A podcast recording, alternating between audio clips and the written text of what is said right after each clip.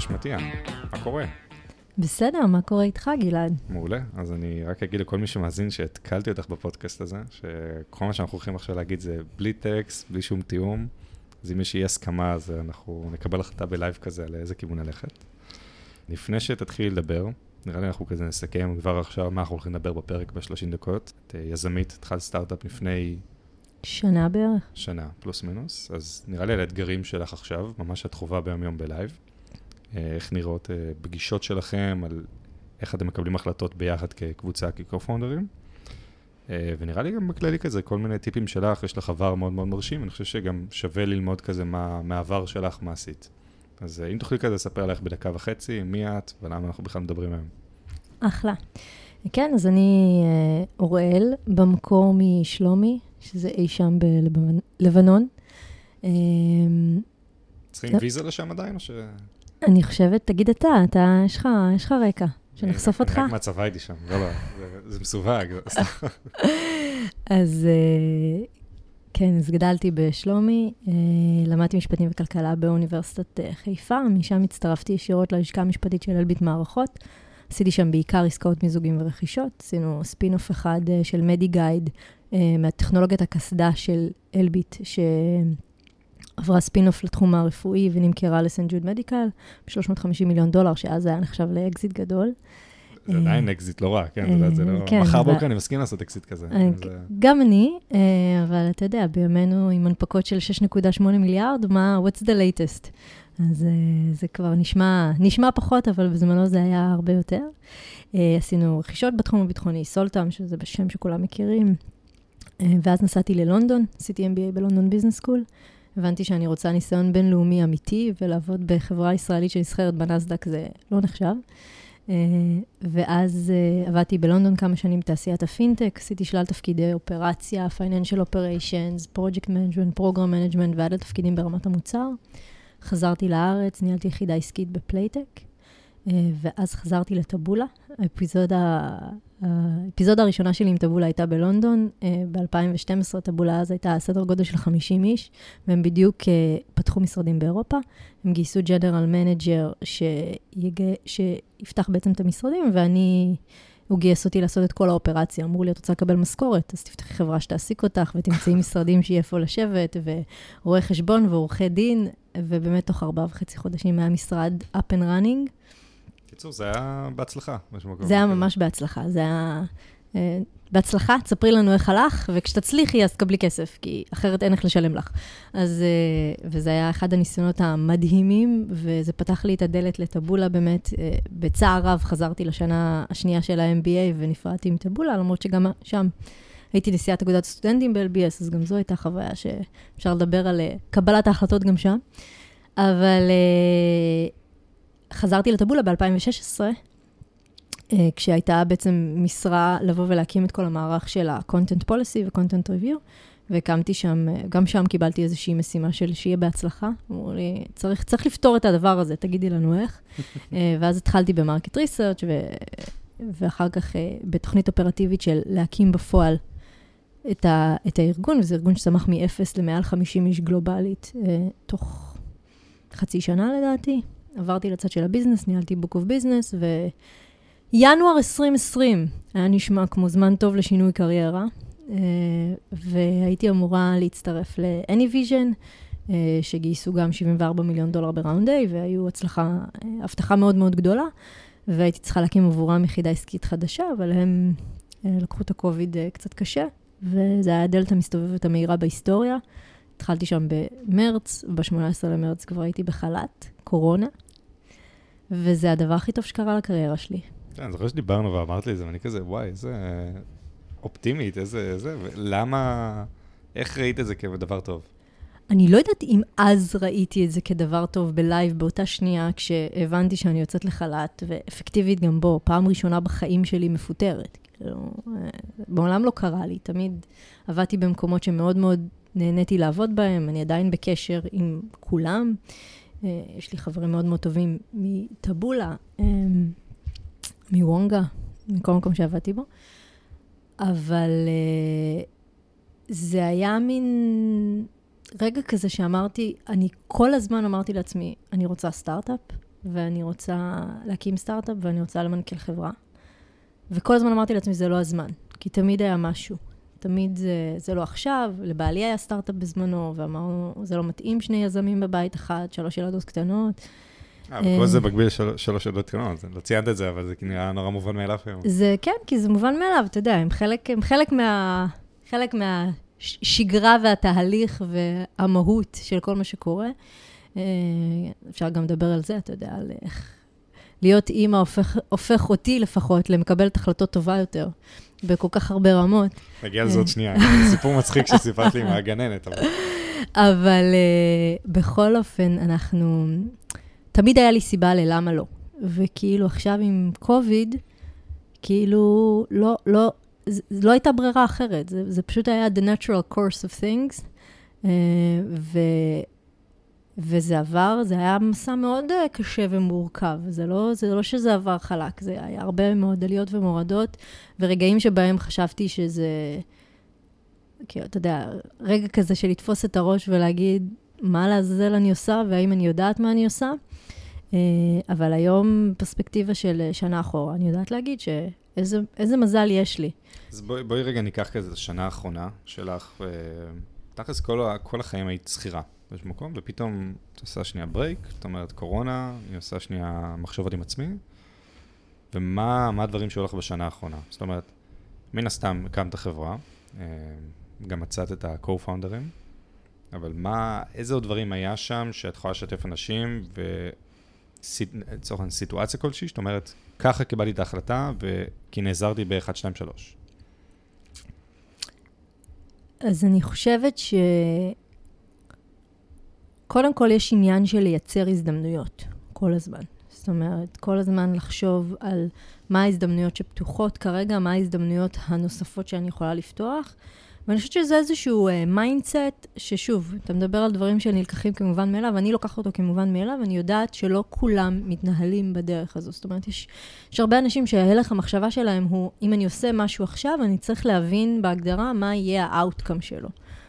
אני חושבת שאני בהגדרה עושה דברים שאני לא בהכרח יודעת מה ה outcome שלהם. כאילו, אתה יודע, כשאתה כתבת לי ואמרת לי, בואי ניפגש, או בואי נדבר, או שכתבת לי, אה, שאמרת לי היום בבוקר, בואי נקליט פודקאסט ספונטני, אין לי בעיה עם זה שאני לא יודעת לחלוטין מה יהיה ה outcome. אין לי בעיה לפתוח ערוצים ולפתוח אפיקים שאני לא יודעת מה יהיה ה outcome שלהם אה, באופן מוגדר. אה, וקוזליס נולדה בעצם מתוך שיחות שהיו לנו עם... יונתן ליפניק וירון חדד, שהם אה, שני הפאונדרים של נוטרינו.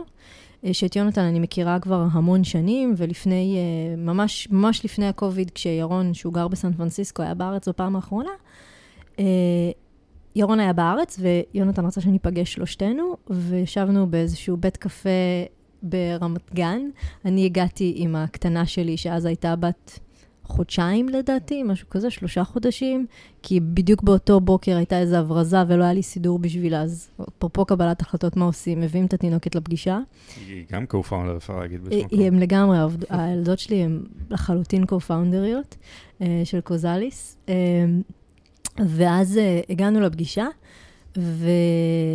ואני זוכרת שבהתחלה היא הייתה היא הייתה מאוד uh, ממושמעת, רותם זרמה איתנו ושיתפה פעולה, ואז uh, היא טבעה את מקומה בדיון. Uh, ותוך כדי שיחה, אתה יודע, אתה, אני מתפעלת תינוקת ופוגשת גם אנשים שאתה יודע, אחד מהם הוא חבר ואני מכירה אותו שנים, השני פוגשתי פעם ראשונה בחיים. ואז יונתן אומר לי כזה, את צריכה עזרה עם משהו, עם זה? אז ירון אומר לו, נראה לי שאתה יכול לתת לה עוד איזה שני ילדים ואיזה אקסל, ועדיין יהיה בסדר. אז אני חושבת שזה קצת, אתה יודע, diverted אותנו מהשיחה, אבל, אבל קוזליס נולדה מתוך המקום הזה של לקחת את ההזדמנות ולהיפגש ולדבר על משהו שלא ידענו בדיוק מה הוא יהיה.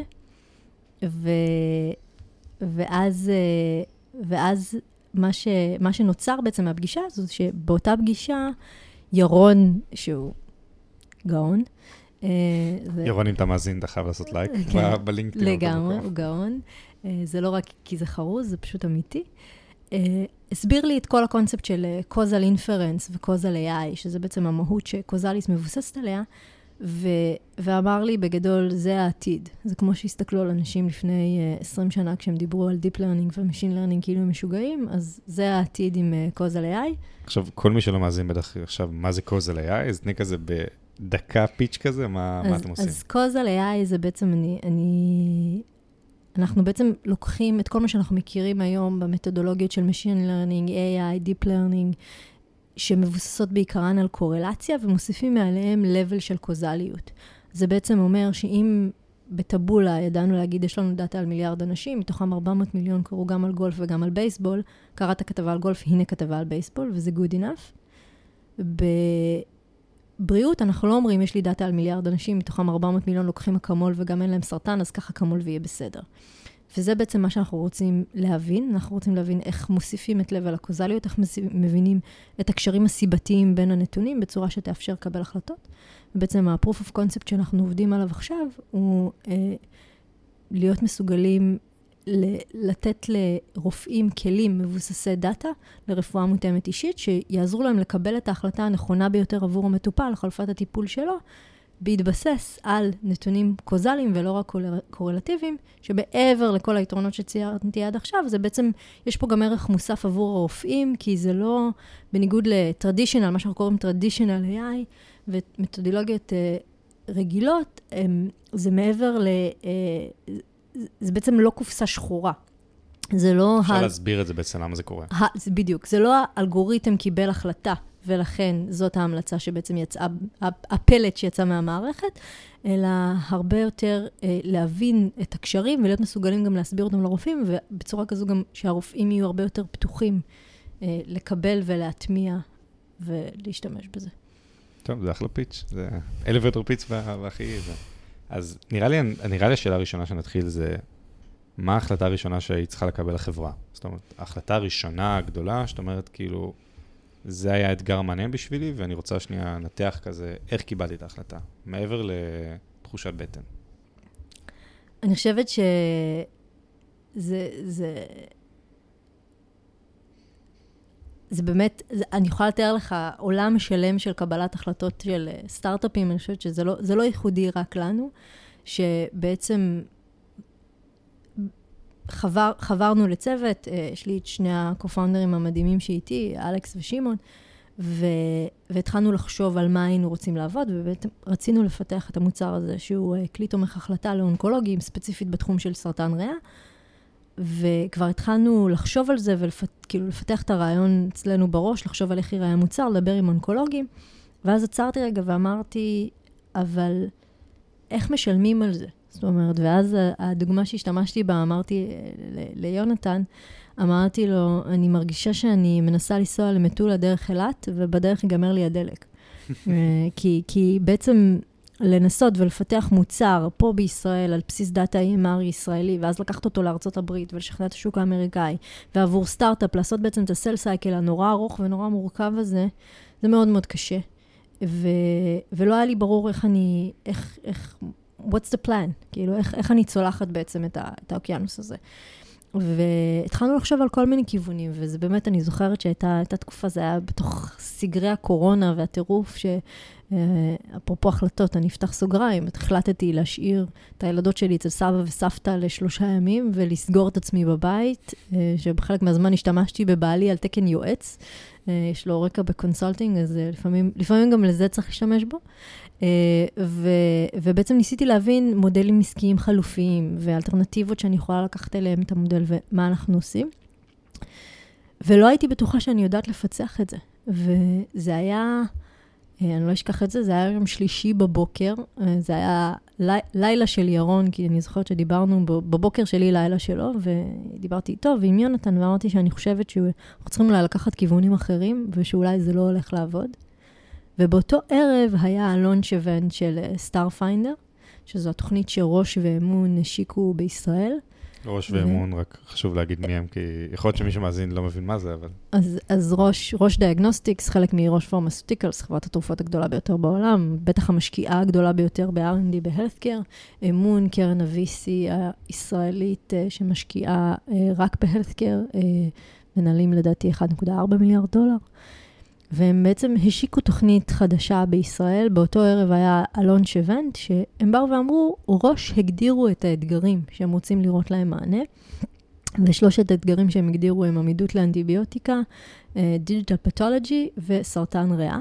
וספציפית בתוך סרטן ריאה, הם, אה, הם הגדירו שהם מעוניינים לראות פתרונות שממדלים יעילות מול רעילות של טיפולים ברפואה מותאמת אישית. ואז אני אמרתי, רגע, אבל הנה, הנה הפתרון שחיפשתי, שאני מחפשת כבר כמה חודשים טובים, של את מי זה מעניין, ואיך אנחנו יכולים בעצם לייצר פה מודל עסקי, ואיך אפשר באמת להגשים את החלום שאנחנו רוצים להגשים אותו. ובאותו רגע התקבלה החלטה שעכשיו מה שעושים זה, אתה יודע, החלטה, שוב, התקבלה החלטה בבוקר, בגדול שמתחילים לעבוד על משהו בכיוונים אחרים, וזה לא בהכרח יהיה בכיוון הזה. והפכנו את ההחלטה באותו ערב, ואמרנו עכשיו כל מה שמתמקדים בו בחודש הקרוב זה ה application ל Starfinder, ובעצם איך אנחנו עושים polishing לסיפור שלנו בצורה הברורה ביותר כדי שהמסר יעבור. ונכנסנו לתוך האטרף של התהליך הזה, והתקבלנו. אנחנו חלק מהתוכנית. עכשיו, אין לכם MVP. זאת אומרת, או, בזמנו היה לכם MVP או ש... לא, בזמנו היה לנו אה, כיוונים של מה אנחנו רוצים לעשות. התחלנו לעבוד על ה... אה, התחלנו לעבוד על ה, על ה-proof of concept, על איך אנחנו רוצים שהמוצר ייראה, על איזה מידע אנחנו רוצים שהוא יכלול בפנים, אבל אחד הדברים ששוב, הרגשנו שסטארפיינדר נתפר ממש למידותינו, כי הם אמרו, אנחנו רוצים חברות שנמצאות בשלב מאוד מאוד מוקדם, שאנחנו נלווה אותם בבניית ה-POC שלהם. שזה מה שאנחנו רוצים לעשות, לבנות את ה-POC. ככה שזה ממש aligned. כן, אני מסכימה איתך, מדהים. והגעתם לשם, ומה היה? כאילו... ואז אתה מתחיל, שוב, מתחילים סט חדש של החלטות כל הזמן. זאת אומרת, אה, אה, איך אנחנו מתעדפים למשל דאטה, אוקיי? ממי אנחנו רוצים להביא דאטה, ואז, ואז בעצם איזשהו תהליך של למפות את כל שחקני הדאטה הישראלים שקיימים, ולהבין עם מי מהם אנחנו יכולים לעבוד, אה, רוצים לעבוד, יכולים לעבוד בלוחות הזמנים שנדרשים לנו, כי התוכנית היא בסך הכל תוכנית של תשעה חודשים, ואנחנו רוצים לייצר את ה-proof of concept בתוך פרק הזמן הזה. ואני מאוד שמחה שכבר אפשר לשתף, כי זה טרי משבוע שעבר, חתמנו על הסכם עם uh, רמב"ם, uh, שבעצם להשתמש בדאטה שלהם, של non-small cell, uh, cancer patients. Uh, אנחנו מאוד looking forward לשיתוף פעולה שם, כי יש שם את uh, עירית בן אהרון uh, באונקולוגיה, ואת uh, אלון עזר, ואת רונית אלמוג מהצד של, ה, של הדאטה והאפידמיולוגיה, שהיא לא פחות ממדהימה. וזה בעצם, אנחנו מאוד מאוד שמחים שזה חלק מהמיפוי שלנו, הם עלו בעצם בעדיפות מאוד מאוד גבוהה של בית חולים שהיינו רוצים לעבוד איתו, ושזה באמת קרה. בסופו של דבר, אבל, אה, אבל זה היה חלק מהתהליך של, של, אוקיי, בוא נמפה עכשיו, ואני מניחה שמה שאתה רוצה לשמוע, מה שהצופים גם רוצים לשמוע, זה על תהליך קבלת ההחלטות. זה בעצם, בעיניי קבלת החלטות זה כל הזמן לגשר על, על הפער בין רצוי למצוי. אוקיי? תסבירי, מה זה אומר? זה אומר ש... בזווית שלך. זה אומר ש... מה אני רוצה, אוקיי? מה, מה אני רוצה? אני רוצה את כל הדאטה אתמול בבוקר, אצלי במחשבים, אה, מסודרת בדיוק לפי מה שאני אה, רציתי ומה שהצוות הטכני צריך בשביל לפתח את המוצר. אבל יש את המצוי, שזה, אנחנו צריכים לעבוד בסוף עם דאטה, אה, בחלקו דאטה EMR ישראלי, בחלקו אנחנו גם מסתכלים על resources אה, לדאטה בינלאומי, ו, ויש לוחות זמנים, צריך לחתום חוזה, צריך לעשות משא ומתן על החוזה, צריך אה, אה, לנקות את הדאטה, לסדר אותו בצורה שנוכל לעבוד איתו. ההנגשה היא לא בהכרח שאנחנו נקבל את הדאטה, אלא שתהיה לנו גישה לדאטה. ועכשיו, את כל הדברים האלו צריך לתעדף ולהבין מה דחוף לנו, מה חשוב לנו, אה, ואיך אנחנו גורמים לדברים לקרות בקצב אה, שיאפשר לנו לדלבר את מה שאנחנו רוצים לדלבר. לדלבר? לדלבר. מה המילה...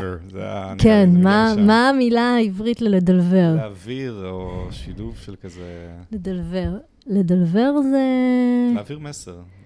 לא, אני לא חושבת שזה להעביר מסר. לדלבר מבחינתי זה, זה לייצר, לייצר תוצאות, לייצר... Uh, uh, we want to deliver the product, אז אנחנו רוצים לייצר את המוצר, אנחנו רוצים שהמוצר שלנו יהיה קיים ויהיה מה שאנחנו רוצים, יעשה את מה שאנחנו רוצים שהוא... אני גם אומר כל הזמן לדלבר, ואני אף פעם לא מבין מה באמת זה אומר בעברית. כולם כן. יודעים מה זה, אבל אף אחד לא יודע להצביע את ה... כן, אז לדלבר זה, לדלבר זה לייצר תוצאות, מבחינתי. ואיך נראה התהליך, כאילו, מבחינתך? זאת אומרת, אם אני רוצה עכשיו באמת לקחת אותו, מקרה דוגמה של הדאטה, אה, הדחוף, הלא דחוף, כאילו איך את יודעת לעשות עכשיו את הדברים האלה, עם איזה מודל את משתמשת? יש הרבה מאוד מודלים של קבלת החלטות בעולם, אה, זה לאו דווקא חייב להיות מודל מורכב, אלא בסוף להסתכל על זה, להגיד, היום זה דחוף לי, אני צריך את זה להיום עד הערב, או לשבוע הבא, או לעוד חודש, כאילו. תראה, אז מבחינתי שאלת עכשיו כמה שאלות. קודם כל, מבחינת אה, דחוף וחשוב, זה גם יצא לי לדבר כשאני מדברת על ניהול זמן, ועל... אני אומרת שבכל רגע נתון אני צריכה לדעת מה דחוף ומה חשוב. אה, מה שדחוף וחשוב עושים מיד, מה אה, שחשוב ולא דחוף עושים אחר כך, ומה שדחוף ולא חשוב לא עושים. אה, ותמיד אנשים נתקעים איתי על הדחוף ולא חשוב, אומרים לי, מה זאת אומרת מה שדחוף ולא חשוב לא עושים? מה שדחוף ולא חשוב לא עושים, כי יש, במיוחד בישראל, אני חושבת שאנחנו אלופי הדחיפות, כאילו זה בגלל זה אני כל הזמן אומרת ש... הכל ארג'נט, כל הזמן הכל ארג'נט, ואני גם, אני, יסלחו לי עורכי הדין שלנו, אה, משרד מיתר, שכל פעם שאני צריכה משהו, אני תמיד אומרת להם, בהגדרה אני צריכה את זה לאתמול, אז אפילו אל תשאלו אותי, כאילו, למתי אנחנו צריכים.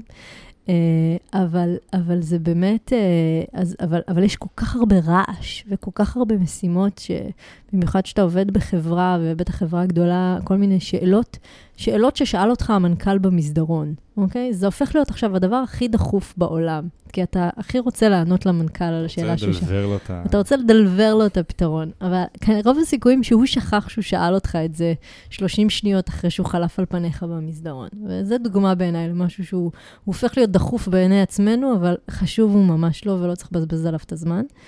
אמ, איך אני יכול, אבל איזה שאלות אני יכול לשאול את עצמי, שאני אומר, זה דחוף לעכשיו. זאת אומרת, אני חייב לעשות את זה עכשיו, אחרת, אה, לא יודע, יקרה לי משהו. אני חושבת שאני אמרתי לך קודם, ש... כשדיברנו, ב... כשהכנו קפה, שבעיניי, אני חושבת שעברתי לעבוד במוד, ובטח בתור אה, מישהי שיש לה המון ורטיקלים שנעים במקביל בחיים. זאת אומרת, יש את קוזליס, שזה המהות, וזה לוקח הרבה מאוד מהזמן ומהחשיבה, אבל אה, אבל יש לי את בעלי, שאני מאוד אוהבת, וגם יש את הזוגיות שלנו בתוך הסיפור הזה, ויש לנו את הילדות שלנו, שהגדולה שלי הרגע הייתה בת חמש, ירדן, והאמצעית בת שלוש, אה, ארבל והקטנה רותם כמעט שנתיים. וכל הדברים האלה, יחד עם הגנים והוועדים והדברים שקורים במקביל, זה בעצם כל הזמן יש המון ערוצים שפתוחים והמון דברים שצריך לנהל. ואני חושבת שהמוד פעילות שלי בהגדרה הוא 80-20. כאילו, אני, אני, אני ממקסמת יעילות פר, פרטו, אתה שואל אותי על מודלים, זה כנראה משהו שהפך להיות כבר חלק מהתהליך חשיבה שלי, שבגדול כל דבר שאני מסתכלת עליו בכל רגע נתון, אני אומרת לעצמי, אוקיי, מה יקרה אם אני לא אקבל את ההחלטה הזו? מה יקרה אם אני אקבל את ההחלטה הזו ואני אקבל החלטה לא נכונה?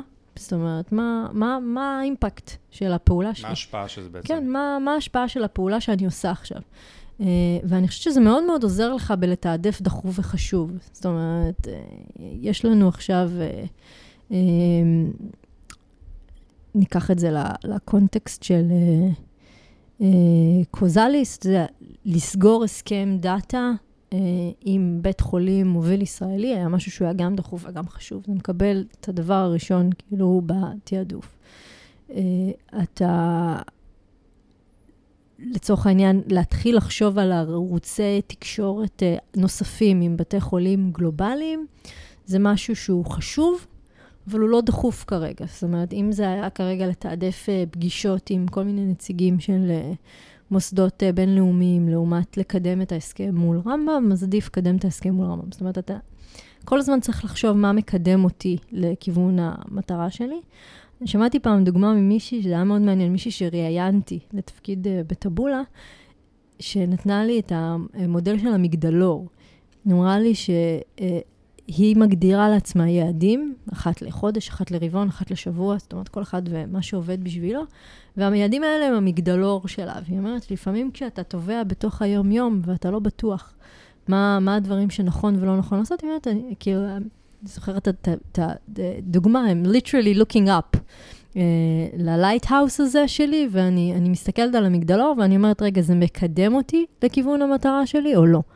ואני חושבת שזה איזשהו משהו שהוא כלי מאוד מאוד חשוב ב, אה, לקבל החלטות, והוא... הוא, ש, אני מרגישה שבאיזשהו מקום אצלי זה הופך להיות באוטומט. זאת אומרת, זה לא משהו שאני צריכה מאוד לחשוב עליו ומאוד להשקיע בו ומאוד זה, זה כאילו, אוקיי, אני אקבל עכשיו את ההחלטה הזו, מה יקרה אם אני לא אקבל החלטה? ומה יקרה אם אני אקבל החלטה לא נכונה? זה שתי שאלות שיוצא לי לשאול את עצמי כשלוקח לי עוד שנייה וחצי להחליט. אה, והרבה פעמים אנחנו נוטים לתת משקל להחלטות שלנו יותר ממה שיש להם באמת. זאת אומרת, הרבה פעמים... overthink about it כזה באיזשהו מקום. כן, אבל הרבה פעמים חשוב להחליט, פחות משנה מה החלטת. כי יש הרבה... רוב, תחשוב, תחשוב על רוב ההחלטות שאנחנו מקבלים במהלך היום-יום, רובן הפיכות. רובן כנראה גם על אוכל, כמו שדיברנו מקודם. אמרתי לך, אני, שאני, I'm looking for the person שיקח ממני את החלטות האוכל במהלך היום-יום. אבל uh, אני... סטארט-אפ, דרך אגב. זה לגמרי סטארט-אפ. שמישהו בטנביס כבר הרים את הכפפה. אבל אה, ש, שידלברו לי אוכל, אפרופו דליבר, שידלברו לי אוכל בלי לשאול אותי. אבל אני חושבת שהרבה יותר חשוב להחליט מאשר מה החלטת.